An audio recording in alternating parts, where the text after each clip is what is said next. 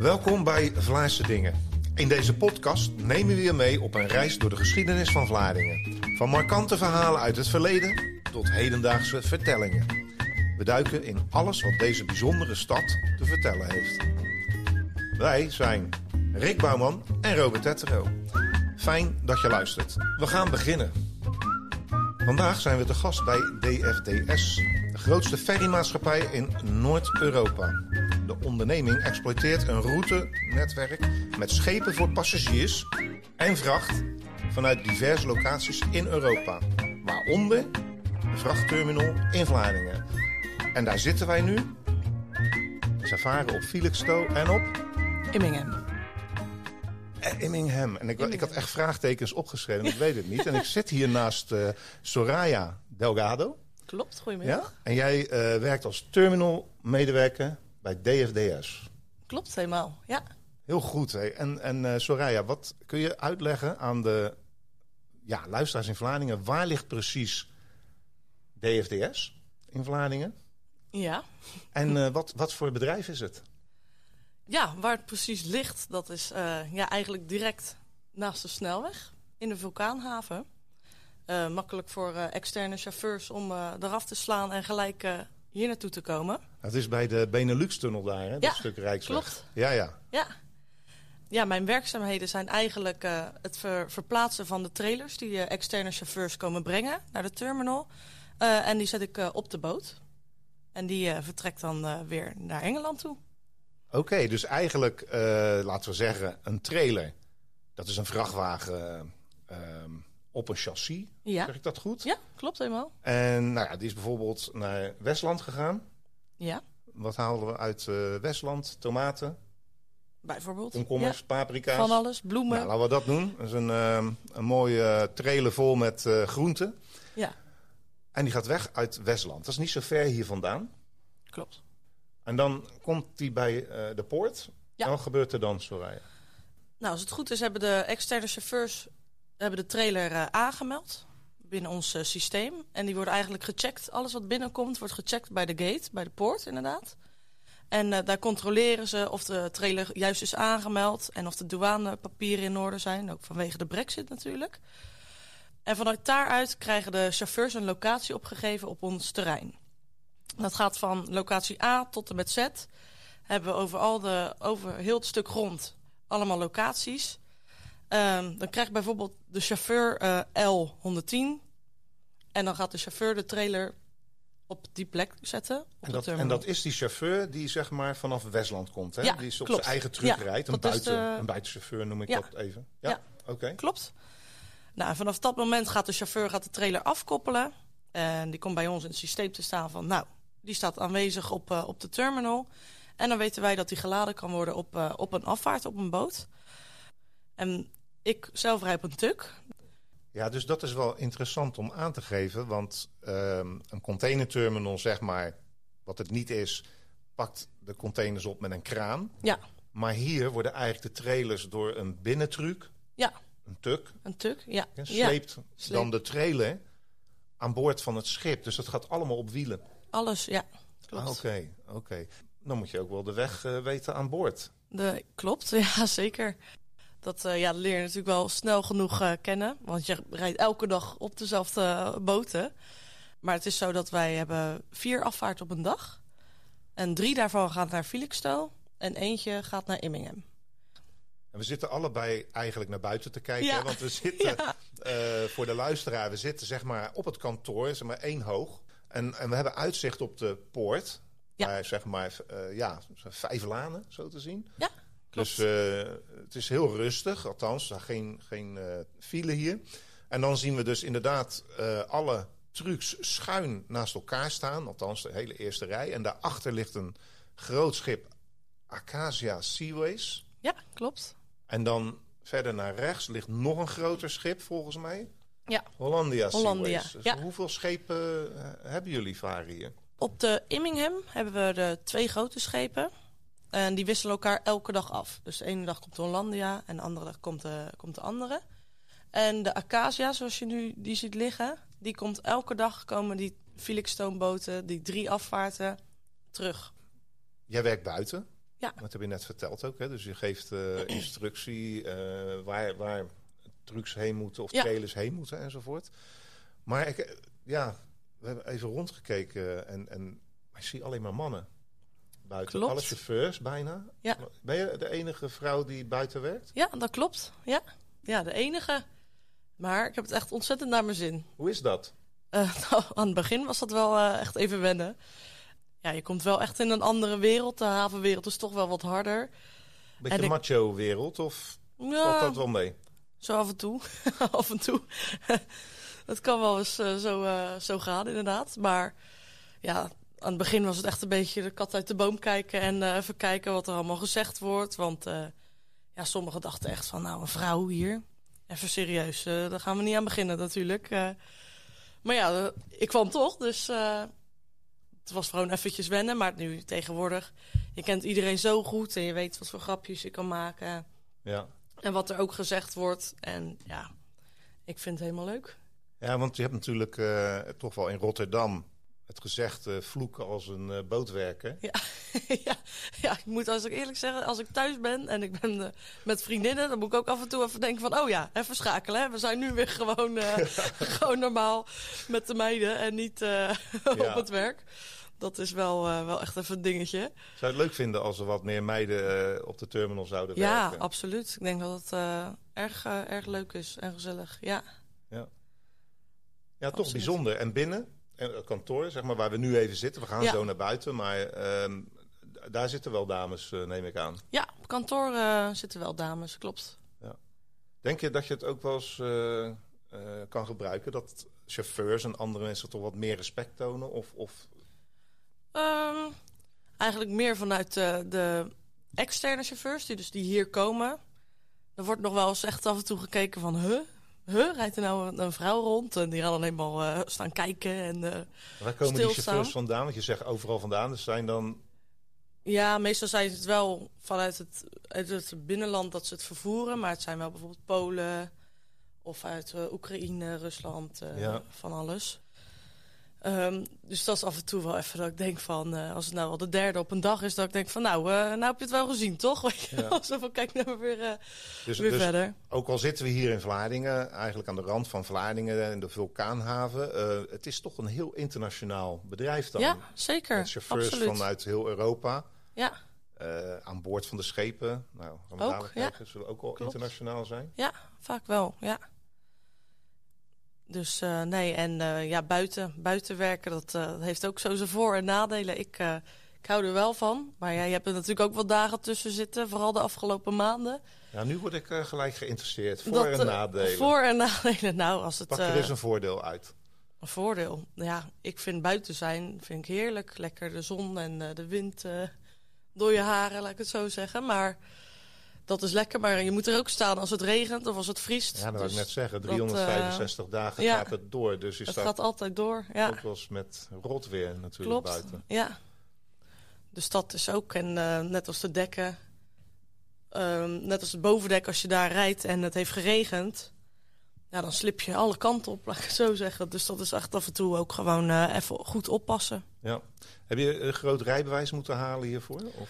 Eh, ik heb een interne cursus eh, gehad. Ja, dus eh, ik mag niet op de weg, maar eh, hier binnen mag ik wel rijden. Ja. Dat is wel bijzonder. Ik zag eigenlijk dat... Ik zag iemand achterstevoren in die truck zitten. Ja, ja, klopt. Eigenlijk rijden we hier eh achterstevoren. Ja, dat is ook omdat we, wanneer de dekken een beetje vol beginnen te raken, moeten we trailers gaan duwen. Dus in plaats van nu rijden we de boot op en dan hangt de trailer achter je. Dus je trekt hem echt mee. Nou, kijk je naar voren. Ja, dan kijk je naar voren en dan stuur je gewoon zoals je in een normale auto ook stuurt. Gewoon rechts is rechts, links is links. Maar zodra je andersom je stoel dus helemaal omdraait en de trailer voor jou zit, dan moet je hem gaan wegduwen op het dek. En dat betekent ook dat je de andere kant op moet sturen als dat je gewend bent in een normale auto. Ja, dus eigenlijk kun je zeggen van... eh, je zit in je auto en je draait je stoel 180 graden om... dat je door de achteruit kijkt. Klopt. En, en waarom is dat? Dat is ook voor het duwen, maar Voor het duwen. Ja, dat is ook wel goed voor je rug, denk ik, of niet? Eh, ja, of, ja, ja, Achter- voor, ja zeker. moet Ja. kijken. eh, ja. Klopt, anders moet je inderdaad heel de tijd eh, gedraaid zitten. En nu draai je hem om en dan kan je uit het raam kijken. En dan kijk je met de trailer mee. En inderdaad, anders moet je alles achteruit. Dus ook voor de veiligheid. Want Ja. gaat iedereen achteruit inparkeren. Het is gewoon veel veiliger om je stoel vooruit te zetten. Dan heb je veel beter overzicht. Want ook aan boord, er staan altijd mensen aan boord. Die houden in de gaten of jij nergens tegenaan botst. Of dat er niemand achter loopt.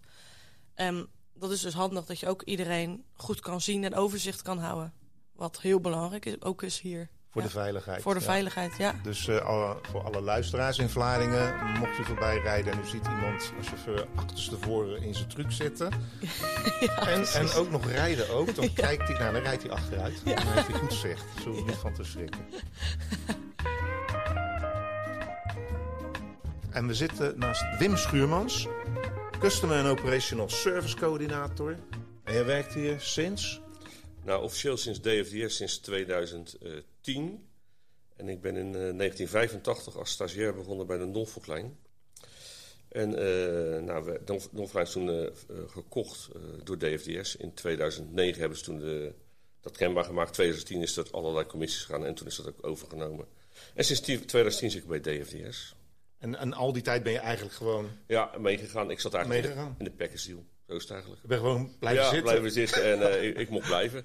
Maar er zijn ook wel mensen, ja, op een gegeven moment hebben natuurlijk dubbele functies. Ja, die zijn dan, ja, met een regeling of eh, whatever. Maar ik kan me ook wel voorstellen, want eh Norfolk Line zat natuurlijk oorspronkelijk in Scheveningen. Ja, en dat is wel een leuk verhaal, want eh Norfolk Line dat zat sinds 1961 in Scheveningen. Maar oorspronkelijk is meneer Remeers, de voorganger van Norfolk Line, vanuit Vlaardingen begonnen naar Engeland. Echt waar? Dus de Remeers, dat was, eh, die had, dat was de Norfolk Line, zeg maar. En dat heette toen nog Remeers. En uiteindelijk in 1961 naar Scheveningen verhuisd. Want ja, dit was waarschijnlijk te klein. En die is daar uitgegroeid, ja, en, en zo ging het door. ja. Hey, Dus en- eigenlijk is de oorsprong is een beetje Vlaardings. We zitten nu hier in Vlaardingen, maar dat is al Vlaardings. Nou ja, terug op het oude nest, Ja, we dan zo maar is de cirkel is een klein beetje rond. ja. Ja, en Wim, eh, dus jij bent ook van, nou, ik neem aan, woon, woonde je in Scheveningen ook? Nee, ik Ah. ben oorspronkelijk een Schiedammer.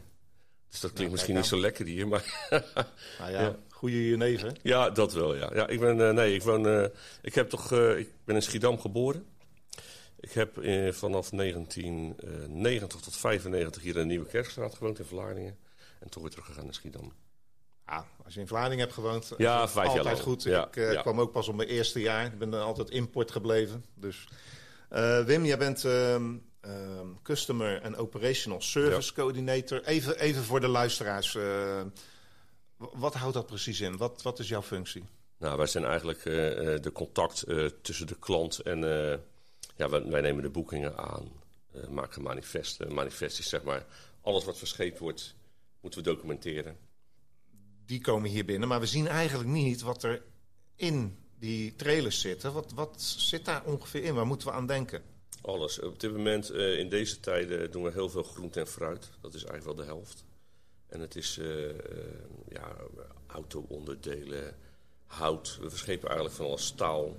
Alles wat je maar kunt bedenken. Ook wel gevaarlijke stoffen, maar dat is dan toch in die mate dat ja, dat, dat mag. Hè. Het is niet zo dat we hier grote gevaarlijke stoffen dingen hebben, want het is allemaal. Is maar eigenlijk eh, het meeste op dit moment is groente en fruit. Ja. En bloemen. Ja, dat is, Is dat ook de reden dat jullie in Vlaardingen zitten, dicht bij het Westland? Ja, ja, zeker. Want eh, de meeste klanten zitten nu tegenwoordig in Maasdijk. Ja, dat is, dat is natuurlijk vanaf uh, Maasluis hier naartoe. Ja, 20 minuutjes. En ze kunnen ook naar, uh, naar andere rederijen, maar dan is dit, toch wel de ideale. Dus de groente- en fruittelers, om, om daar maar Ja. even te blijven hangen, dat zijn eigenlijk niet jullie directe klanten. De directe klanten zijn de trailer operators, Operators, ja, dat de klopt. truckchauffeurs Ja, of de truckbedrijven, vrachtwagenbedrijven, die daar de lading ophalen en dan hier Exact. afleveren. Zo zit het in elkaar. Dus de trailer operators hebben hun klanten en daar laden zij voor. En de trailer operator is onze klant. Dus het, is, Ja. het zijn allemaal schakeltjes eigenlijk. Zitten die schepen altijd vol? Maar op dit moment eh, ja, is het gaat gewoon goed. Gewoon lekker vol. En Ja. af en toe wel overboekt. En Maar- is dat dan ook jouw... eh, Maar dat is onze rol inderdaad van... als we zien dat we te vol gaan, gaan we klanten bellen. En ja, de relatie met de klant is van die aard... dat er altijd wel ruimte is om te schuiven. Of, want je hebt natuurlijk meerdere afvaarten ja, per dag exact. vaak. Ja, als iets niet urgent is, dan zeggen de klant al gauw van... nou ja, doe het maar een reisje later. En op Felixstowe hebben wij eh, drie afvaarten per dag. Dus het is ook niet zo dat dan hier een, een trailer zeg maar vier dagen op de kade staat voordat hij eens in Engeland komt. Nee. Dus de turnaround is, is behoorlijk. En dat is ook onze kracht. Nu spreek ik wel eens eh Vlaardingers. Ja. Ehm, ik vertelde dat ik hierheen ging naar DFDS. En, en sommigen zeggen dan, ah ja, dat is die containerterminal daar Ja. bij eh, de vulkaanhaven. Dat maar is het niet, nee. wat is Nee, het verschil nu? Ro-ro is het hier. En eh, wij rijden in principe alles zelf aan boord. Eh, dus onze core business ook. Van, eh, chauffeur komt hier een trailer brengen. Koppelt hem af. Die zet hem op zijn poten neer.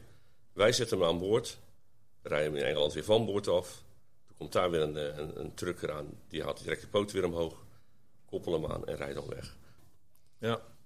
Nu zei je net, eh hoorde ergens de jaren 80 eh vallen. Ja. Dus ik zat even snel te rekenen. 10, 20, 30 plus 35 plus jaar ben je al Ja. in, dit, ja, in 37 deze bedrijfstak jaar. bezig. Ja, nou, we hebben hier het grootste schip wat we hier liggen. Kan vij- 450 eenheden verschepen. Dus 450 trailers. En ik ben begonnen met 27. 27. Ja, en dan hadden ze ook een liftje en dan ging hij naar een bovendek toe. En die deed er dan gewoon vijf minuten over. Dus die tukmasterchauffeur, die, die, die koppelde die trailer aan. Die ging lekker op een liftje staan. En dan mocht het liftje niet meer als 11 ton hebben. En dan zat hij zo vijf minuten. En, dan- en dan rookte hij ook nog even een, een peukje, want dat ging toen zo. Ja, dat was een hele andere tijd. Kun je daar iets meer over vertellen, over die tijd toen jij startte eh, Ja, ik, ik, ik zat wel eens aan te denken. Ook toen werd er geld verdiend. En hoe dat eigenlijk kan. Ik bedoel, 27 trailertjes verschepen. Je kan het je bijna niet voorstellen.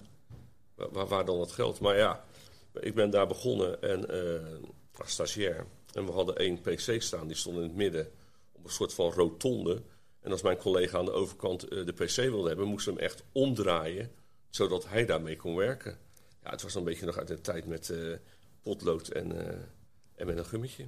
Met de hand plannen. Ja, met de hand plannen. En ik moet zeggen, ja, ik, moet, ik ben blij dat ik dat mee heb gemaakt. Want het was, dat had ook zijn charmes. Roken gewoon op kantoor, ja, dat kun je nu niet meer voorstellen. Moet je ook niet meer willen. Nee. Dat gebeurde gewoon. Ja, rook op het Roken op kantoor. kantoor, ja. En, en ook met de ambtenarij, ja. Die mannen, ja. Vroeger ging je ook nog aan boord inklaar, heette dat dan. Schip kwam binnen, gingen met je documenten, gingen aan boord, gingen ze manifesten checken of het klopte. Ja, ook al lag die boter om half negen 's morgens. Er ging altijd een borreltje in de koffie. Ja, menig ambtenaar. Die, zijn, die hebben dat toch niet overleefd. Weet je, dat, ja. Maar het was een hele andere tijd. Ja. Kijk, nu kan je dat niet voorstellen. En ik vind ook dat dat nu niet meer kan.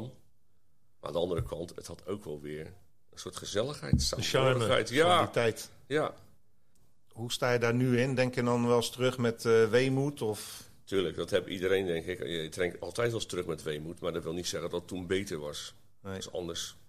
Ik, bedoel, ik vind het nu ook leuk. Ik zit nu met een groepje van vier. En er zitten een, eh, drie jongeren erbij.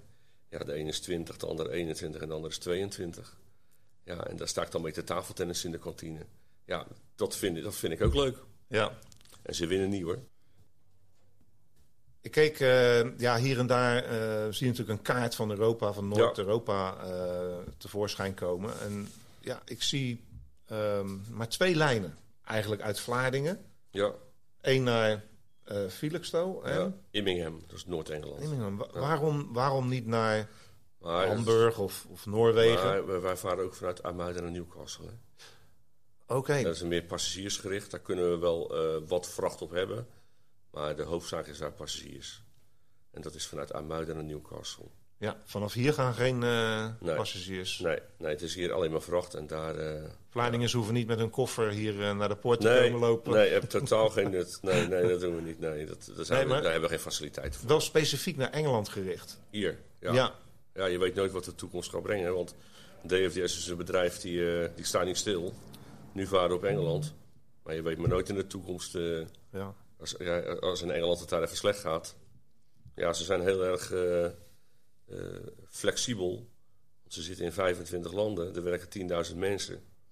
Ja, dus ze, kennen, ze hebben overal wel havens of... eh, dus ja, zo moet je het zien. Nou werk jij hier, Wim, al sinds 1986. Ja, Je bent al die tijd gebleven. ja. Je hebt nooit, althans, dat denk ik dan. Misschien heb je wel eens gekeken buiten de poort, maar ehm, je hebt het niet gedaan. Je bent al die tijd hier blijven Ja. werken. Wat maakt DFDS eh, voor jou zo bijzonder dat je eigenlijk je hele leven voor deze werkgever werkt? Ja, ik vind het gewoon eh, een geweldig bedrijf. Gewoon, eh, de sfeer is fantastisch. En het is niet omdat ik nu hier zeg van... eh, als het niet zo zou zijn, dan, eh, dan weet je, heb ik het ook gezegd. Maar ja, als je kijkt, eh, ze doen er alles aan. We krijgen nu weer nieuwe eh, eh, bureaus. eh, eh, de faciliteiten zijn goed. Eh, belangrijk is, je krijgt elke maand je geld. Ik bedoel, daar moet je ook nog wel afwachten. Maar ook hier bij ons in de kantine hebben ze ook... eh, het zijn allemaal kleine eh, investeringen. Twee dartborden opgehangen, tafelvoetbal, twee tafeltennistafels. Ja, ze, ze proberen gewoon de sfeer en saamhorigheid... Ja, dat staat eigenlijk hoog in het vaandel. Als iemand het naar zijn zin, zijn zin heeft... Ja, de mens maakt het bedrijf. Bedoel, eh, dat, dat, als de mensen het positief uitstralen... Ja, wat wil je dan nog meer?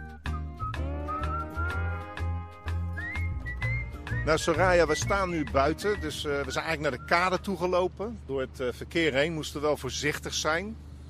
Dus u hoort misschien eh, waarschijnlijk nog wel wat een en ander op de achtergrond. Een beetje de wind. We staan aan de kade van Vlaardingen. En, en dat is een, eh, een tuk, denk ik, achter mij. Ja. Ja. Kun je iets zeggen over wat, dat, wat hij nu doet?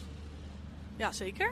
Eh, de trailers die we eigenlijk aan boord zetten, die zetten we niet neer op de poten. Dus de, de, de staanders die eronder zitten. Maar die zetten we eigenlijk op een bok neer. Dus wij draaien altijd de poten draaien we in. Nadat we hem hebben aangekoppeld met een bok.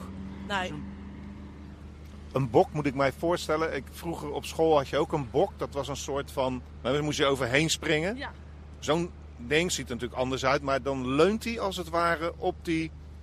op die bok. Dan vraag ik me ook af, want jullie moeten natuurlijk alles aan boord rijden en van boord rijden. Dus laten we zeggen dat grote schip, waarvan je net Ja. zei eh, 400 zoveel ehm, trailers aan boord gaan. Ja. Hoe, lang, hoe lang zijn jullie daarmee bezig? Eh, de boot komt rond 8 uur, half 9 binnen. En eh, het doel is om hem om kwart over 11 eh, volledig leeg te hebben. Ja, Dat is snel. Dat is snel. Ja, dat is behoorlijk snel. Dat, eh, er zijn tijden geweest, als die inderdaad helemaal vol staat, dan wordt het, eh, wordt het lastig. Maar eh, er zijn weer extra mensen ook aangenomen om de werkdruk te verlagen. En daardoor merk je wel nu dat, dat het eigenlijk wel goed haalbaar is nu. En dan kunnen jullie lekker in de kantine gaan zitten een bakje koffie. Nee, dat, dat gebeurt hier niet. nee. nee, er is altijd wel iets te doen. Net als ja, je ziet nu het terrein en hoe vol het eigenlijk staat. Er zijn altijd wel mogelijkheden dat je kan gaan ruimen om wat ruimte te creëren voor externe chauffeurs. Dus eh, stilzitten, dat, eh, dat gaan we hier niet doen. Jij bent een van de tukrijders. Eh, hoeveel tukrijders zijn er actief in elke sessie? Ehm, ja, vandaag is het maandag, dus het is wat rustiger. Maar meestal zitten we rond de 20, 22 eh, per groep. Dus eh, we hebben eigenlijk twee diensten, of drie diensten. We hebben nachtdienst, dagdienst en avonddienst. Maar dus van allebei de teams is er een nachtploeg. En de rest ja, zijn ongeveer rond de 20 mensen per team. Ja, Soraya, maar dat soort dingen waar je het nu over hebt, daar moet je wel veel power voor hebben. Dat eh, heeft wel wat eh, spierpijn gekost, ja, aan het begin. Dus af en toe duik jij de sportschool in. Ja, klopt. Ja. De eerste dag dat ik hier kwam, zei er gelijk al iemand... eh, nou, je mag wel even naar de sportschool gaan, hoor.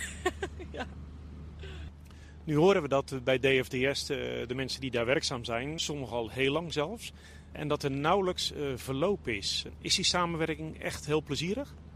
Ja, zeker. Het is, ik, dat vind ik juist dat het zo leuk maakt hier. Je hebt mensen inderdaad van die net komen kijken, die 17 zijn en als stagiaires hier binnenkomen. En eh, ja, we werken ook met 65-plussers. En juist dat, dat verschil tussen die oude havenarbeiders en nu met het jonge, nieuwe, ja, dat is hartstikke leuk om te zien. Leuk juist met de samenwerking, de, de ideeën die de, de ouderen hebben. Ze die zeggen van nou, eh, laten we het zo doen.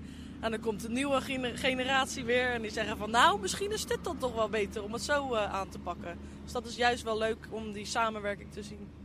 En ze geven elkaar de ruimte? Absoluut, ja. Dat is wel, eh, ja, met dat haven. Iedereen kan gewoon lekker zeggen altijd, eh, recht voor zijn raap. Je zegt wat je wil. En ja, er kan wel eens een discussie over eh, ontstaan. Maar dan hebben we altijd weer de botenbaas die zegt, nou jongens, dit is hoe we het gaan doen. Klaar. En dan, dan gaan we weer verder. Ik heb nog één vraag voor je, Soraya. Wat, ehm, jij bent hier komen werken. Je werkt hier een jaar of drie, vier. Ehm, heb je hier een opleiding voor gedaan? Heb je iets, ben je ergens op school geweest of niet? Ik, uh, ik zelf ben hier eigenlijk uh, in komen rollen en uh, heb niks hiervoor gedaan met een havenopleiding. Of, maar eigenlijk alle, de meeste mensen die hier binnenkomen hebben inderdaad bij het STC gezeten. En die zijn als stagiaire hier binnengekomen en zijn blijven hangen daarna. Wat mij betreft, mijn laatste vraag dan in ieder geval. is er nog een anekdote? Meestal als we klaar zijn met, met werken, dat is wel eens grappig en dan uh, vooral op de vrijdag dan gaan we naar huis en dan gaat iedereen toeteren van ja, het is weekend, toet toet. En uh, ja, dat, dat uh, heel grappig allemaal. Ook als je de kleedkamer, ik heb dan een aparte kleedkamer. En dan hoor ik dat ze met zo'n airhorn toet, toet, toet, altijd nadat de dienst klaar is. En dan moet ik dan altijd toch wel van, lachen. Dan denk ik, hou die gekke gasten weer. Dat is ook het leuke, dat we echt een, een goed en leuk team zijn met elkaar. Vandaag zijn we te gast bij DFDS. En we zitten naast uh, Richard van Kleef, ja. General Manager. Dat klopt helemaal. Goedemiddag. Uh, dat is de belangrijkste titel op ons kleine strategoveld wat we tot nu toe zijn tegengekomen. Ja. Kun, je, kun je vertellen, Richard, wat doet een General Manager? De general manager voor de terminal in Vlaardingen die is verantwoordelijk voor de gehele terminaloperatie, dus het laden en lossen van de schepen. Uh, voor de poort, voor alle poortbewegingen en voor de beveiliging. Ja, dus dat is, uh, dat is eigenlijk alles. Ja, dat is eigenlijk, ja, als je de terminal ziet, dan heb ik daar de sleutel van eigenlijk. Ja, en wat, wat is het dan het verschil met, uh, nou ja, wat staat er boven general manager? De, de directeur, directeur eigenlijk. Ja, nou, de general manager is eigenlijk verantwoordelijk voor de gehele activiteit. Dus het is, niet, het is eigenlijk alle stukjes, alle activiteiten die we doen op de terminal. Dat is, valt eigenlijk onder mijn paraplu. We hadden er net even kort over. Uh, we hebben al hier en daar gevraagd of mensen uh, die hier werken een connectie hebben met Vlaardingen. We zijn natuurlijk een soort, we zijn niet eens buren. DFDS ligt in Vlaardingen. Ja. Helemaal aan het uiterste hoekje bij de Benelux-tunnel in de vulkaanhaven. en jij uh, hebt wel een link met Vlaardingen, toch? Of ja, niet? klopt. Uh, ik, ben, ik, heb mijn, ik ben naar de Jozef Mavo. Heb ik mijn diploma gehaald. Dat was in 2000. Sint-Jozef Mavo? Ja, de Sint-Jozef Mavo. In Holy? In Holy, ja, okay. klopt. En dan met de verschillende departemento. Dus ik moest nog op de fiets naar de loper, want daar had ik nog, uh, nog een andere departement. Ik moest nog naar de Rijgelaan voor, voor de gym. En uh, dus van, vanaf 1996 tot aan 2000 uh, ja. heb ik daar gezeten. Ja, ja mooie tijd. Nou, dat is leuk, ja. want ik, ik heb daar ook gezeten een paar jaar. Ja. En ik woonde toevallig in die buurt, maar jij kwam dus op de fiets. Ja, op de fiets. Nou, eerst... Uh, ik, ik, ben een schipperskind, dus ik, ik zat eerst nog op een schippersinternaat in Schiedam. Dus toen pakte ik eerst uh, de bus naar Vlaardingen, Holy. maar dat op een gegeven moment zei een klasgenoot van... waarom fiets je niet met mij gezellig mee? Want die woonde aan de burgemeester van Knappertlaan in Schiedam. En dan konden we zo binnen door. Ik zei, nou, vind ik wel gezellig. En op een gegeven moment pakte ik de fiets. Schipperskind, het nog maar een keer. Dan ben je op het water ja, eigenlijk geboren.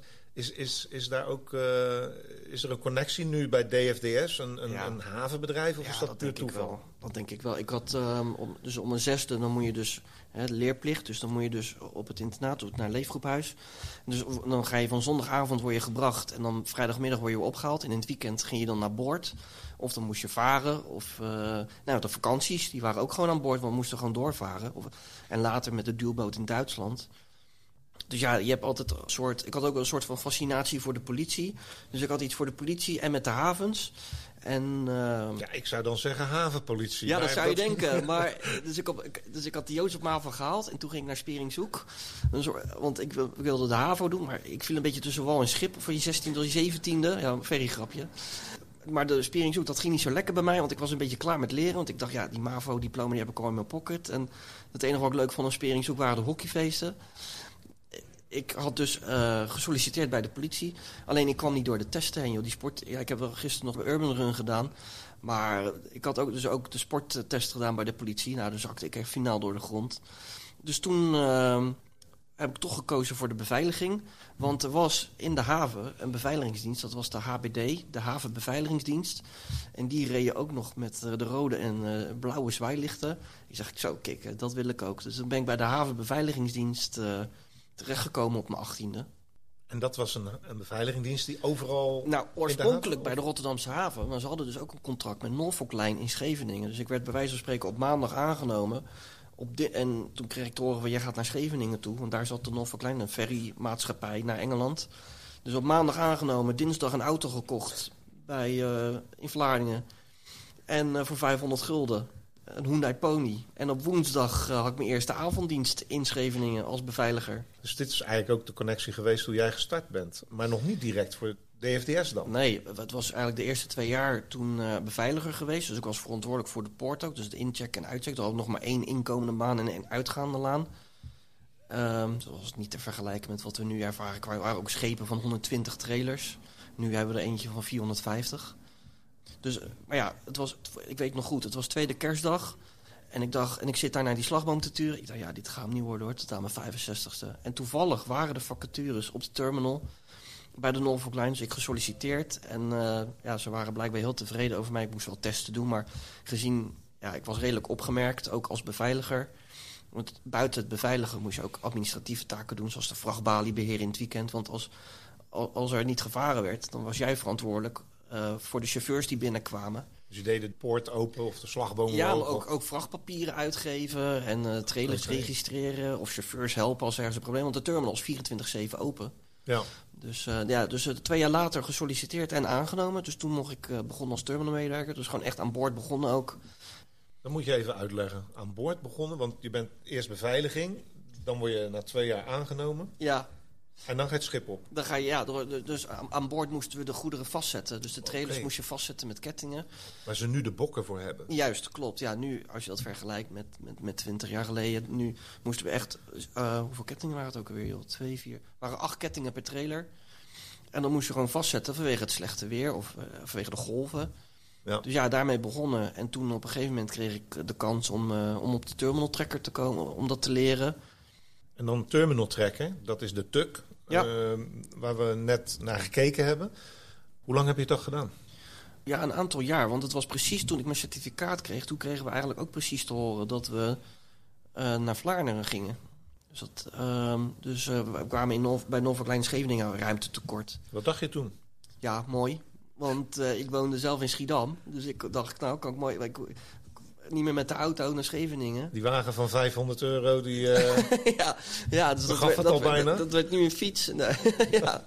ja, nee, ik vond dat prachtig. Want eh, ja, naar Scheveningen, ja, Scheveningen is leuk hoor in de zomer. Lekker op het strand een biertje doen. Maar als ik, als ik kan kiezen van of Schiedam op de fiets Ja, 10 tuurlijk. minuten naar Vlaardingen. Dat was voor mij... eh, en we gingen een nieuwe route opzetten. Dus ze zochten eigenlijk meer chauffeurs ook. Eh, maar in die tussentijd eh, kreeg ik ook nog de opleiding voor op de heftruck. Oké. En, en later pas eh, zijn we ook nog containers gaan doen. Eenmaal verhuisd naar Vlaardingen met de Norfolk Line. En toen gingen we ook containers doen. Dus toen mocht ik ook op de rietstekker, kreeg ik eh, de Ja. kans. Dat een rietstekker, dat is een eh, zware machine eigenlijk die volle containers, Ja, ja. volgeladen containers kan, kan oppakken. ja van, eh, van A naar B. En dat is echt een flinke machine. Ja, gaaf. Ja, dan voel je als een kind in een speelgoedwinkel. eh, en vooral ook eh, omdat je thuis nog hè, met, de, met, met de Playstation... Ja, het is met die twee joysticks Ja. dat je in die rietstekker zit. Ja, dat is helemaal geweldig. Dat eh, Dat kan ja, ik me was gaaf. voorstellen. Ja, was gaaf. En dan ben je in Vlaardingen nog steeds Norfolk Line. Ja, En dan wordt dat, of ga ik te snel? Wat Nee, de ne- ik denk, nee, dat, de nee, het gaat, ja, de volgende stap. Ik denk dat het zo rond 2010 was. Eh, ik zat zelf toen ook in de ondernemingsraad ook. En toen werd er aan de deur geklopt van eh Norfolk staat te koop en eh DFDS die heeft interesse. En eh, dus toen eh, was het eigenlijk ja, redelijk simpel. En wat was, wat, DFDS, kende je dat? Nou, niet echt. We, we hadden wel andere spelers. Hè. CLDN, we hadden Stenenlijn. En er was ook niet, ja, DFDS, DFDS. Ja, een klein, klein terminaltje op de Maasvlakte. Ik had geen idee hoe groot DFDS was in Europa. Ehm, dus dat was, ehm, ja, was wel bijzonder. was eigenlijk ook meteen het eerste, de kennismaking met mijn, eh, met mijn collega Jorik, die nu mijn eh, directeur is. Daar, zaten beide, in beide ondernemingsraden van de DFDS en van de Line. Want we moesten natuurlijk samen gaan kijken hoe gaat dat, zo'n overname. Ja. Maar eh was er, daar alleen maar samenwerken. was alleen goede sfeer ook. En eh, ja, het was heel bijzonder in 2010. Een heel druk jaar ook. Maar ja, ja heel bijzonder. En hoe liep dat af? Eh, Bleef je op de rietstekker rijden? Of Ja, eigenlijk wel. We gingen ook nog wat an- andere activiteit doen. Het overslaan van hout- en staalladingen. Dat ben ik ook nog een tijdje gaan doen. En op een gegeven moment waren we inmiddels DFDS geworden. Jorik was de terminal man- manager. En opeens kwam er een vacature voor eh, voorman.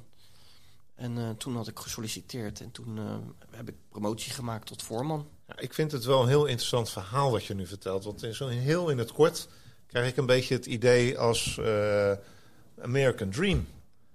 Ja, Ja, je bent eigenlijk begonnen helemaal aan, aan de start, eh, waar, waar iedereen begint op zijn eh, terminal. Maar niet iedereen klimt op naar Ja. voorman om, om dan vervolgens een route in te zetten naar En general manager. nee, en ik had eigenlijk ook helemaal niet die ambitie ook om, om, om general manager te worden. Want ik was voorman geworden. Ik dacht, nou, dit is fantastisch. Dit, eh, het schip laden en lossen, daar heb je dan de leiding over. Je bepaalt waar alles komt te staan aan boord.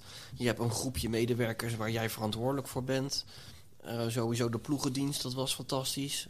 Toch- Hoe, hoe ehm, tot aan rietstekken ben je individueel. ja, Veel heel individueel, want op een truck rijden en op een rietstek, dat doe je lekker in je eentje.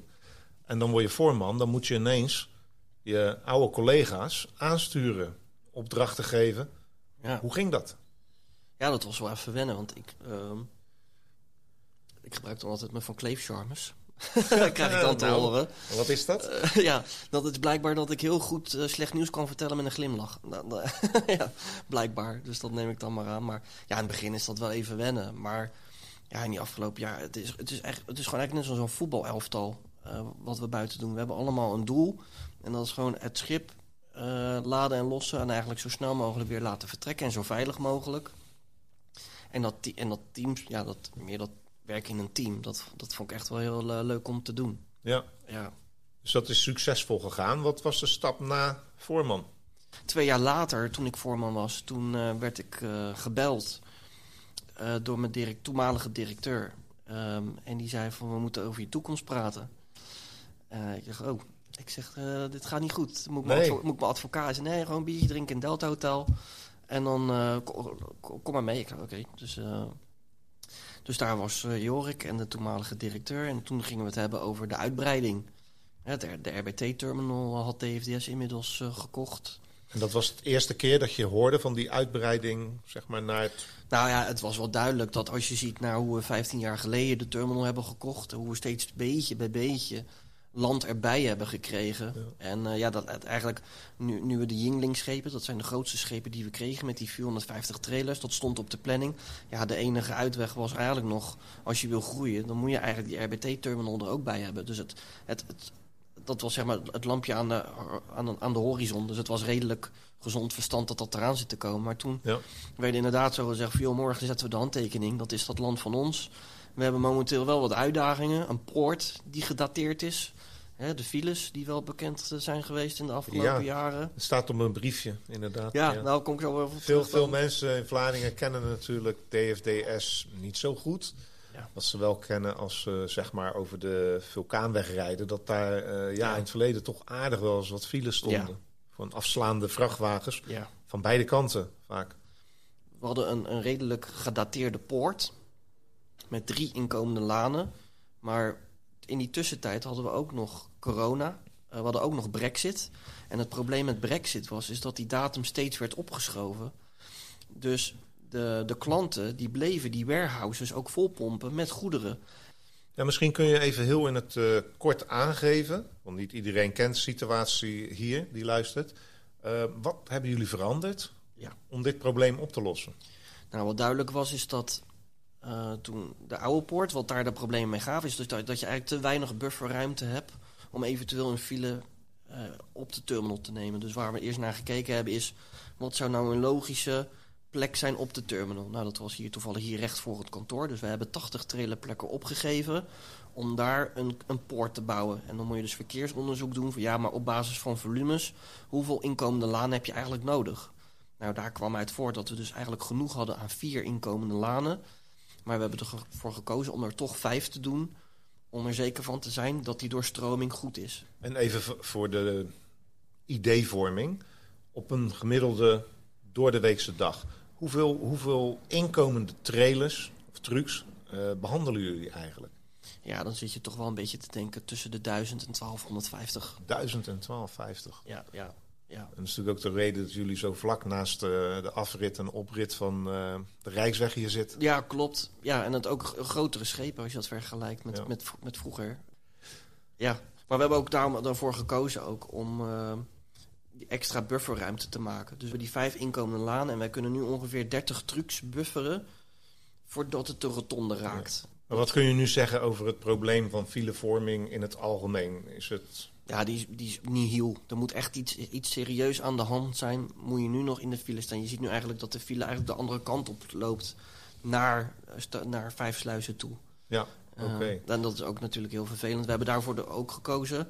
Toen we, want we hebben dus de RBT-kant van de vulkaanhaven. En dan heb je zeg nog maar de DFDS-kant. En we hebben aan beide kanten een uitgang gemaakt. En de uitgang aan de RBT-kant die is ruim twee kilometer lang. Zodat we ook nog het uitgaande verkeer kunnen bufferen. Om ervoor te zorgen dat Vijf Sluizen niet helemaal vol loopt met uitgaand verkeer van DFDS. Nou, er wordt in ieder geval eh, hard aan gewerkt om dat probleem op te lossen. Ik wilde toch nog even terug ehm, van jou, ja, naar jouw carrière eh, gestart, zeg maar, in de security, beveiliging ehm, en aan de poort Ja. in Scheveningen bij Norfolk Line. En nu ben je general manager in pak een beetje 20, 22 jaar, zo ongeveer. Ja, ja, ja, 18 jaar. Ja. Na voorman, heb je welk, in het kort, welke stappen heb jij nog genomen voordat je general manager werd? Eh, ik ging van voorman, toen werd ik eh, manager. Eh, toen, ik, ik kwam bij het team samen met Jorik. Jorik was toen verantwoordelijk voor de terminaloperatie en ik voor de general stevedoring. Dus zeg maar de overslag op de terminal en poort en beveiliging. De toenmalige directeur die vertrok en toen vroeg het hoofdkantoor of wij eh, eh, hoe zeg je dat, de ambitie hadden om, om zijn verantwoordelijkheden over te nemen. En dat was bijna nu twee jaar geleden. Dus toen pro- promoveerde ik weer tot aan eh, general manager. En Jorik, die werd directeur. Was je verrast toen je dat verzoek kreeg? Ja, ja en nee. Ehm, ik weet dat DFDS die staat heel erg voor persoonlijke ontwikkeling. Dus ze doen er alles aan om, om... Ik ben eigenlijk het levend voorbeeld van een typische DFDS-medewerker... volgens het schoolvoorbeeld. Begonnen op de werkvloer en helemaal doorgegroeid... tot aan het management, eh, tot aan het maken van beleid... en het uitstippelen van beleid. Maar ja, het is toch wel stoer dat je toch wel dat bericht krijgt van... joh, eh, je ziet toch ook van joh dit gaat gewoon hartstikke goed. En jullie zijn gewoon de juiste mensen op de juiste plek. En jullie verdienen het gewoon om die promotie te maken. Dat is wel een bijzonder eh, gevoel van vertrouwen wat je dan krijgt ook. Ja, ja ik werk hier 18 jaar al. Dus dat, ja, dat zegt eigenlijk genoeg. We, zeggen het ook altijd, dat mogen we iemand hier aannemen. Dat komt niet zo vaak voor. Maar dan zie je ook dat mensen hier eigenlijk al de rest van hun leven blijven ook. Veel lange dienstverbanden. En we zeggen ook altijd, nou welkom bij de familie. Zeggen we dan ook altijd. Nu is eh, DFDS regelmatig naar mensen op zoek. Jonge mensen die geïnteresseerd zijn om bij DFDS eh, te werken. Wat kunnen zij verwachten? Ja. Maar wij kijken niet specifiek naar opleiding. We kijken meer naar het karakter van de mensen. Dat vinden we eigenlijk het meest belangrijk. Ehm, want de sfeer in een kantine, dat vinden we eigenlijk het meest belangrijk. Je moet natuurlijk wel goed presteren, hoe je bent als mens. En eh, natuurlijk vertelt je cv ook wel iets wie je bent als mens. Maar het eerste wat we eigenlijk vragen is... eh, wat wilde je laten worden als je, als je klein was? Toen je klein was. En wat, wat is dan dat specifiek, mag ik het DFDS DNA noemen, wat Ja. mensen doet passen in, in dit bedrijf? Ja, ik denk toch dat mensen een bepaalde passie hebben voor DFDS. Mensen een bepaalde trots. Ehm, als ik gisteren ook weer zie met die Urban Run... dat daar toch ehm, iets van 50 man hadden zich opgegeven... die daar trots het shirt dragen van DFDS ook. Ik weet, Misschien kunnen we daar gelijk even op inhaken. Ook, want, eh, nou, ehm, jullie zijn in Vlaardingen nu, hè, eh, liggen hier. ehm, maar zijn ook best wel actief om ja, jullie zelf op een positieve manier te promoten in Vlaardingen. Ook met Ja. onder andere zo'n urban run. nou ja, wij, begrijpen donders goed wat de impact kan hebben... van zo'n groot bedrijf als wat wij hebben in Vlaardingen. En wat we ook de afgelopen jaren hebben veroorzaakt ook. Dat vinden we hartstikke vervelend. We hebben nu, ik denk, het gouden ei ingevonden met de oplossing... die we, die we verzonnen hebben met de nieuwe gate... en de uitbreiding, hoe we die gedaan hebben. Maar we voelen ons ook wel... We hebben ook wel een maatschappelijke verantwoording. Of dat nou via de, voedselbank is die we ondersteunen in Vlaardingen... of het is gisteren de Urban Run, of het is het zomerterras. Eh, maar er zijn genoeg andere eh, stichtingen of verenigingen in Vlaardingen... die altijd wat, die even dat extra zetje verdienen... en dat ook past in, ons, in onze visie. Dus wij, eh, ja, wij vinden dat gewoon hartstikke prettig. We willen niet op onze borst slaan en zeggen... kijk ons even deze, al deze goede doelen sponsoren. Maar we zijn ons wel derdege bewust wat onze rol is eh, voor, de, voor, voor, voor de stad Vlaardingen. Ik vind dat een hele mooie eh, gedachte. Heb je, heb je nog een persoonlijke band met Vlaardingen? Zullen we- een rondleiding doen? Ja, ja graag. Eh, Misschien hoor ik, ik- nog wel een goede tip. Nou, ik begin altijd in bierlokaal Antonius voor, voor een lekker speciaal biertje. Dan lopen we door naar K- Café Mes. Dan nog even de krokodil voor de shotjes. Dan lopen we door naar Café de Peper eh, voor een lekker biertje. En, voor een en dan eindigen we in een Café de, Mo- de Molm eh, voor een dansje. En dan, eh, het ligt eraan een beetje hoe laat het is, maar dan stappen we naar de overkant voor een broodje shawarma. Ja. ja. Op een of andere manier eet niemand dat nuchter. Nee, nee maar dat, zo, dat is eh, ja, typisch. Ja, heel erg leuk om te horen. We hebben gesproken met eh, Richard van Kleef. Ehm, ja, American Dream. Eh, of de Vladingse droom. Ik weet niet wat het is. Ja. Maar ik vind het heel indrukwekkend eh, wat, je, wat je voor elkaar gekregen hebt. En ik vind het ook eh, heel leuk om te horen hoe gewoon het eigenlijk ook weer kan zijn. Om gewoon lekker je biertje te drinken in de stad. En, eh, en hier het eh, bedrijf eh, te bestieren. En we zitten aan tafel met Guido Maré. Het wordt nu echt interessant voor alle luisteraars. Want ja, we hebben al een paar keer verteld... DFDS is een haven voor trailers. Maar we hebben de kapitein. Welk schip eh, bent u kapitein Nou, van? ik vaar op dit moment op de Acacia Seaways. Dat is eh, eh, een van de schepen die op het moment de dienst onderhoudt tussen Vlaardingen en eh Felixstowe. En het is nou, een vrij groot schip, is 210 meter in lengte.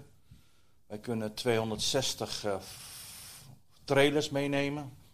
Dus ik onderhoud eigenlijk de diensten met het schip vanuit Vlaardingen naar Felixstowe en van Felixstowe weer naar Vlaardingen. Wij doen een rondreis in de 24 uur. Dus eh, dat betekent eigenlijk grofweg eh, op dit moment zo vier uur in de haven. Laden, lossen. Of lossen, laden. En daarna varen. En dan zijn we in Felixstowe. Na ongeveer acht uurtjes varen. En dan zijn we daar ongeveer weer vier uur in de haven. En dan weer lossen, laden.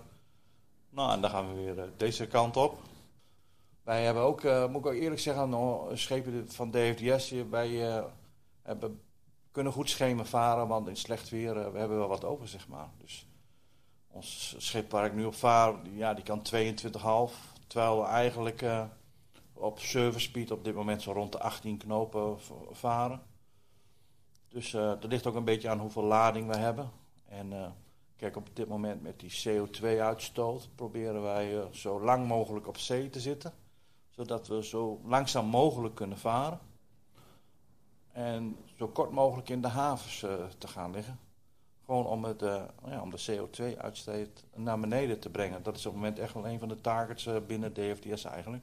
Nou, dat klinkt erg goed eigenlijk, want dat is natuurlijk ook voor de Vlaardingers die hier naar luisteren prettig om te vernemen dat dat tot een minimum beperkt wordt. We varen op het klokje. We varen echt hartstikke scherp. Beter dan de NS een trein rijdt, zeg ik altijd. Onze klanten die verwachten gewoon dat wij, als wij om 1800 hier moeten zijn, dan, dan staan niet zo'n... Ten eerste staat er een hele ploeg havenarbeiders op ons te wachten. Hè? Dus vergis niet, dat zijn gewoon 30, 40 mensen. Die hier, eh, als er vijf minuten 30 mensen moeten wachten, eh, dan weet je, dat is 150 minuten is weg. Hè? Dus, dus dat komt echt zo nauwkeurig aan. Daarnaast hebben wij een heleboel klanten die gewoon verwachten dat eh, de trailer gewoon op tijd gelost wordt. Want die trailer die moet weer op een bepaalde tijd ergens zijn. Hoe lang vaar je al deze route bij DFDS? Nou ja, bij DFDS, eh, dan moet ik eh, zeggen, DFDS, wij zijn in 2010 overgenomen. Dus dat, dat is nou eh, dan 13 jaar bij DFDS. En daarvoor eigenlijk bij, Novacline dan 15 jaar. Ja. Dus eigenlijk doe ik dit nou 28 jaar zo'n beetje... Als kapitein ook al? Nou, vanaf 97 als kapitein en, en vanaf, vanaf 96 eerst als eerste stuurman en 97 zo nu en dan als kapitein en van 1999 echt vast als, eh, als kapitein, zeg maar. Ja. Ja, En hoe is, hoe is dat, varen als kapitein? waar je vroeger eh, alleen maar, zeg maar berichtjes kon versturen via telex over radio. En dan, toen op een gegeven moment kwam de satelliet eh, telex, nou dat was al mooi. Ja, dan hebben we nou natuurlijk allemaal e-mails en wifi en satellietverbindingen.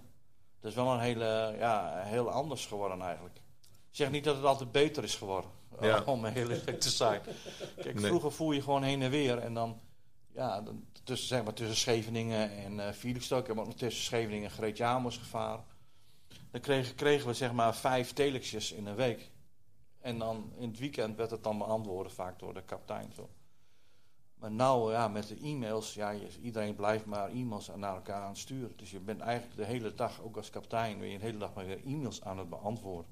Ja, we zitten met 24 man aan boord, dus je doet ook een stukje human resource eh, eh, management. 24 mensen aan boord Ja. eh, totaal. Ja, bemanning, ja. Ja, Ehm, dat is nog best wel veel, ja we vind ik, in vergelijking met andere grote schepen. Ja, nou, dat heeft ook te maken met de intensiteit van onze route natuurlijk. Want wij varen naast kapitein en eerste en tweede stuurman hebben we twee derde stuurlui aan boord. Dus dat is vrij uitzonderlijk. Vergeleken met normale schepen. en we hebben een eerste, tweede en derde en de vierde machinist aan boord.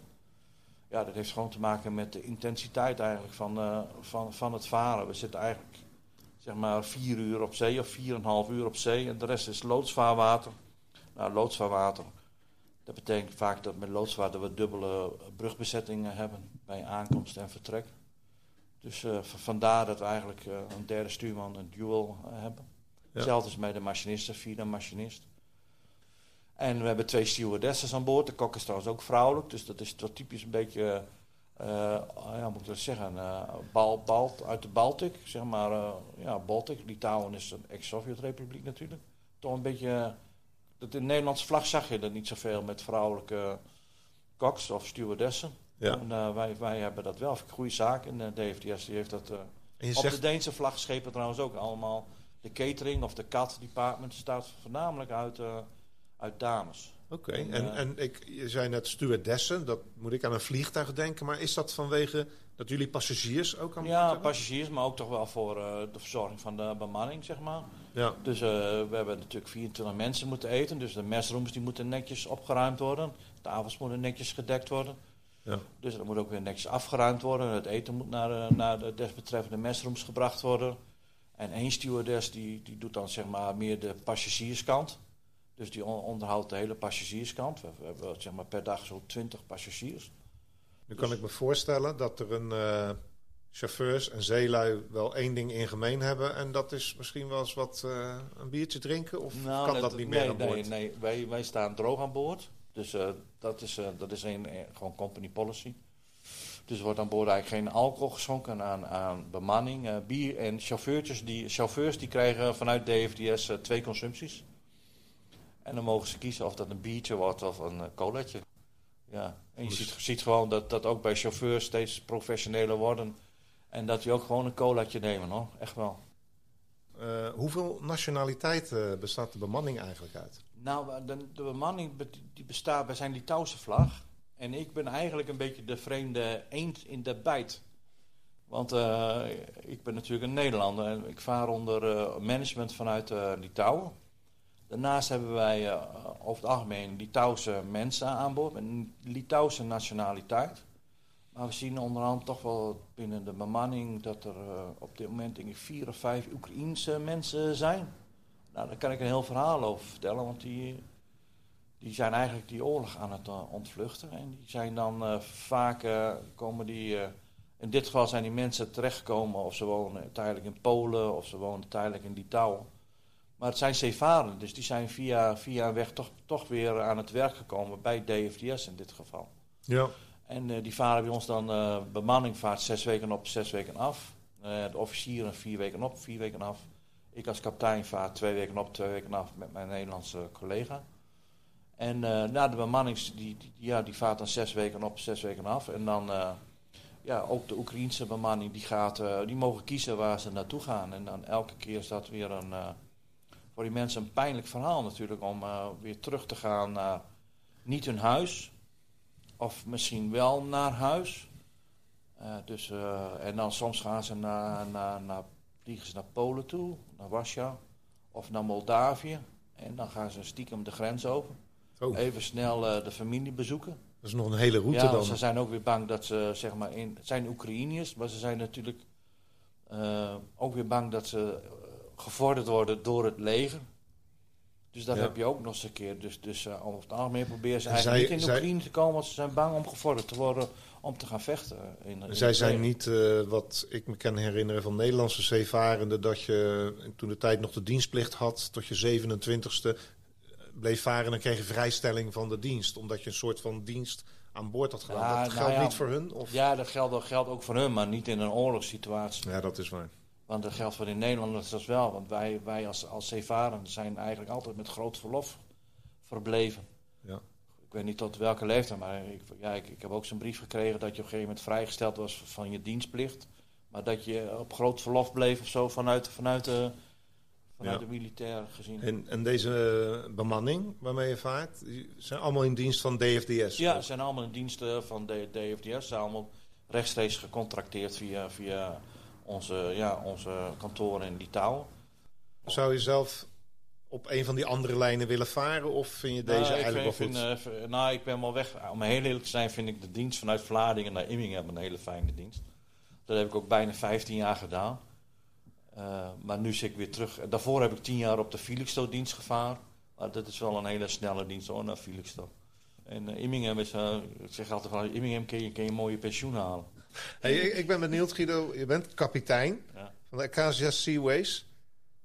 Ja, wij willen het schip eigenlijk wel even zien. Zou dat kunnen?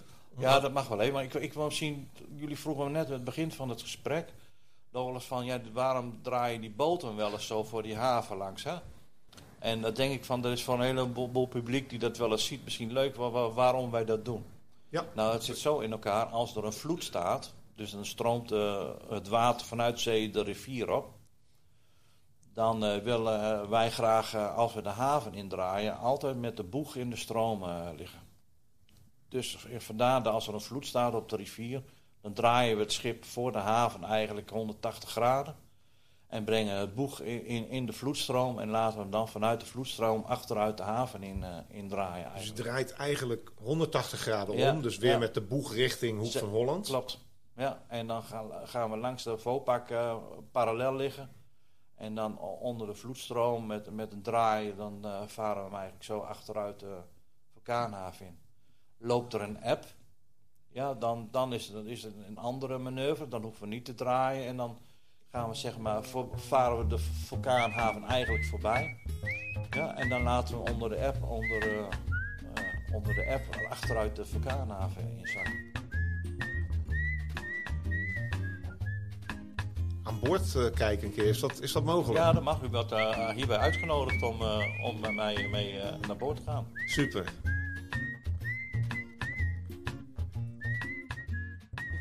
Nou, we staan hier nu bij de Acacia Seaways. Ja, ik zit even te kijken. We staan. Het is eigenlijk een beetje. Het schip is met zijn achterkant. eh, met de klep naar beneden. Die op de kade. En er komt dus nu een eh tuk voorbij met een. Ja, laat hem maar even voorbij gaan, anders dan horen we niks. Boom. En die gaat echt naar een eh, dek omhoog. Ehm, hoe, hoe werkt de volgorde van. Hoe, hoe gaat het in zijn werk met al die trailers aan boord? Ja, wij, wij hebben zeg maar vier, eh, vier dekken dan om eh, te beladen. Ja, we staan nu in de weg. Er komt een truck naar boven rijden. Eh, ook daar vandaan? Oké. Ja, we gaan hier even weg. Het is geen. Ik blijf veilig achter de kapitein meelopen. Dan, maar we worden aan alle kanten voorbij gereden nu. Ja, dat is allemaal goed afgelopen. Eh, we zijn aan het lossen hè, op dit moment, of Ja, niet? het, maindek zijn, het maindek zijn ze aan het lossen. En eh, de tanktop zijn ze volgens mij eh, ook nog steeds aan het lossen. Maar op het upperdek en wedderdek zijn ze alweer aan het laden. Dus hier aan los- en laadoperaties lopen eigenlijk door elkaar heen. Guido, we zijn nu eh, ja, in, de, in de kelder van een schip, hoorde ik eh, eerder vandaag. Toen dacht ik van ja, een kelder in een schip, dat moet je volgens mij ook niet hebben, maar Allah. Maar ik zie hier nu ineens allemaal schermen en eh, apparatuur. En dacht ik van, oh, maar er werd toch alleen maar met één eh, joystick werd er eh, tegenwoordig gestuurd. Maar als ik hier al die knopjes zie, dan denk ik van, wat is dit allemaal? Nou, we zitten, nu in de controlekamer van de, van de machinekamer eigenlijk. En inderdaad zijn er heel veel beeldschermen en heel veel knopjes. En nou, dit wordt eigenlijk normaal bemand door de machinisten. En hier vanuit deze positie kunnen ze zeg maar, het hele systeem eh, controleren. Wij zijn natuurlijk eigenlijk een, eh, een, een, st- een stand-alone city, zeg maar. Hè. Wij regelen onze elektriciteit helemaal zelf, onze, onze waterdruk, alles regelen wij natuurlijk zelf. Dus dat heeft natuurlijk ook onderhoud nodig. En vandaar dat wij hier met eh, zes mensen in de machinekamer eigenlijk aan het varen zijn. Eh, we staan hier nu in de machinekamer. We liggen voor de kant. Het is al best wel rumoerig. Eh, kunnen we hier ook een interview doen eh, als die motoren volop aan het draaien zijn? Ah, nee, er, is, nee, dit zijn snellopers, dus middelsnellopers. Dat is niet mogelijk om hier nog te praten eigenlijk, zoals we dat nu wel kunnen. Nou, dan gaan we maar gauw, gauw weer naar buiten toe. Voor we last van onze oren krijgen. Wij hebben echt wel veel lading hier uit het Westland. En, ja, en heel veel traders. Ja, wij voorzien eigenlijk de Engelse supermarkten van alle groenten die in Nederland gekweekt worden. Die brengen wij dan naar, eh bijna naar Felixstowe, maar dat is voornamelijk dan naar het Londen district.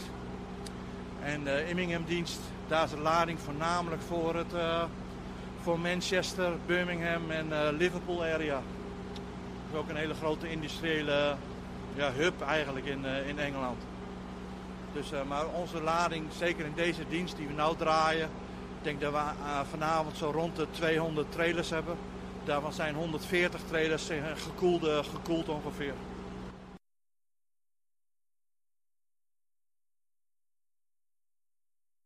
Ja, we staan nu onder een reddingsboot. En ik ga toch even aan Guido vragen, want hij is ooit hier in de vulkaanhaven getest met een aantal bemanningsleden. Ja, dat is eh, correct. Eh, twee jaar geleden zat ik op een zussenschip van deze. En eh, door omstandigheden hebben wij toen eh, de Free moeten launchen.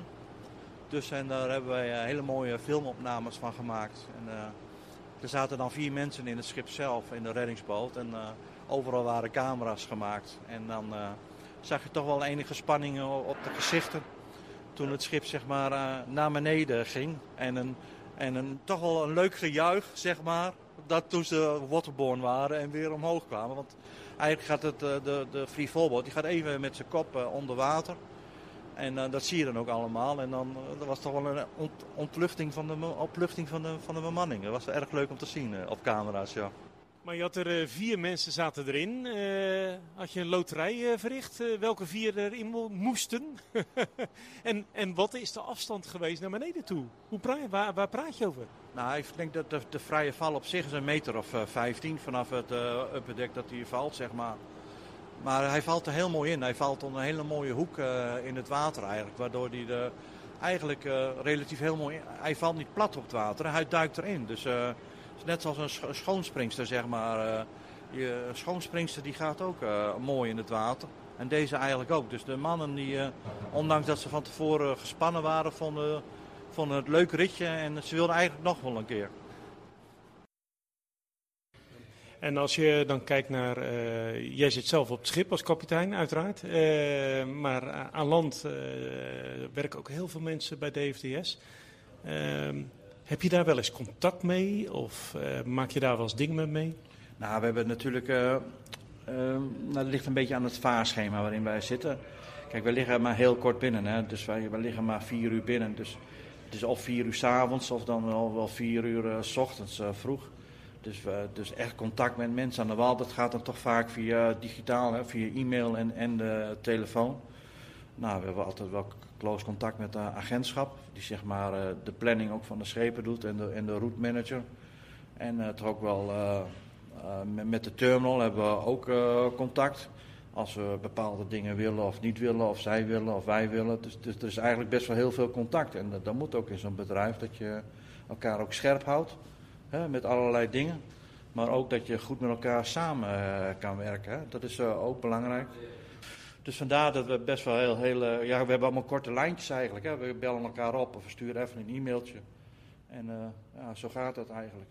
Ja, en eh, waarom zijn er nou zoveel mensen van DFDS, zowel op land als waarschijnlijk ook hier op, op het schip, zo lang in dienst bij DFDS? Waarom is er zo weinig verloop? Nou, ik denk, eh, ehm, onder de zeevarenden hebben we weinig verlopen. Kijk, een, een zeeman die vindt varen wel leuk, maar van huis zijn vindt hij eh, niet zo leuk. Dus eh, dit is een van de alternatieven om te blijven varen en, eh, en niet lang van huis te zijn. En ik denk dat wel een van de sterke punten is voor, de, voor menig bemanningslid dat hij vaart op DFDS. Want ik vaar dan zelf twee weken op, twee weken af. Stuurlui, werktuigkundigen varen vier weken op, vier weken af. Matrozen zes weken op, zes weken af. Eh, ik denk dat, dat dat uiteindelijk de belangrijkste factor is in, eh, in, in het varen bij, eh, bij een ferrymaatschappij over het algemeen. En ja, ik denk ook bij, bij onze con- concurrenten, dat weet ik van, er zitten ook mensen die zijn er begonnen als derde stuurman en die zijn er nou als kapitein. Dus de meeste mensen bij ferrymaatschappijen die, die zijn vrij honk vast om eerlijk te zijn. En net wat ik zeg, de verdiensten zijn, niet, zijn gewoon goed. En ja, de balans tussen vrije tijd, werk en privé is eigenlijk ideaal. Ik denk dat het voor, iedereen eh, telt. Vandaar dat je niet zo snel naar een walfunctie gaat. En eh, ook niet zo snel meer op de lange vaart gaat. Waar je zes maanden weg moet zijn, zoals ik vroeger gedaan heb. Of, of drie maanden. Ik heb tien jaar lang eh, drie maanden gevaren en dan zes weken thuis. Ja, dat brengt toch een boel spanning teweeg in het gezin ook. Daar is dit wel een soort, soort ja, relief eigenlijk hè, voor, voor het gezin en ook voor jezelf. Eh, Guido, we staan op de Acacia Seaways, het eh, schip waar jij eh, kapitein op bent. Je hebt ons alle dekken laten zien, de machinekamer. Ik hoop dat het allemaal te horen is. We kijken nu uit zeg maar, op een zonnige dag op de haven ehm, van DFDS. En aan de andere kant zie ik in de vette de grote kerk van Vlaardingen staan. Ehm, ik wil je heel erg bedanken voor de rondleiding die je ons gegeven hebt, de tijd die je hieraan gegeven hebt. Ehm, is er nog iets wat je zou willen meegeven aan eh, onze luisteraars? Nou, ik wens eh, de, de luisteraars eh, veel plezier met, met, met deze, het luisteren van deze podcast. Nou, dat, dat zullen ze zeker waarderen. En als u nog een keer een schip van DVS, die grote blauwe schoorstenen, voorbij ziet komen in de einder, dan, dan is dat misschien wel een kapitein die we nu gesproken hebben. Hey, dankjewel en goede vaart. Iedereen is eh, van harte welkom. We, we hebben ook een, eh, site, werken bij DFDS. En als een Vlaardingen nu luistert, joh, ik wil lekker dicht bij huis gaan werken. Kijk op de site werken bij DFDS. En misschien staat er een mooie vacature tussen.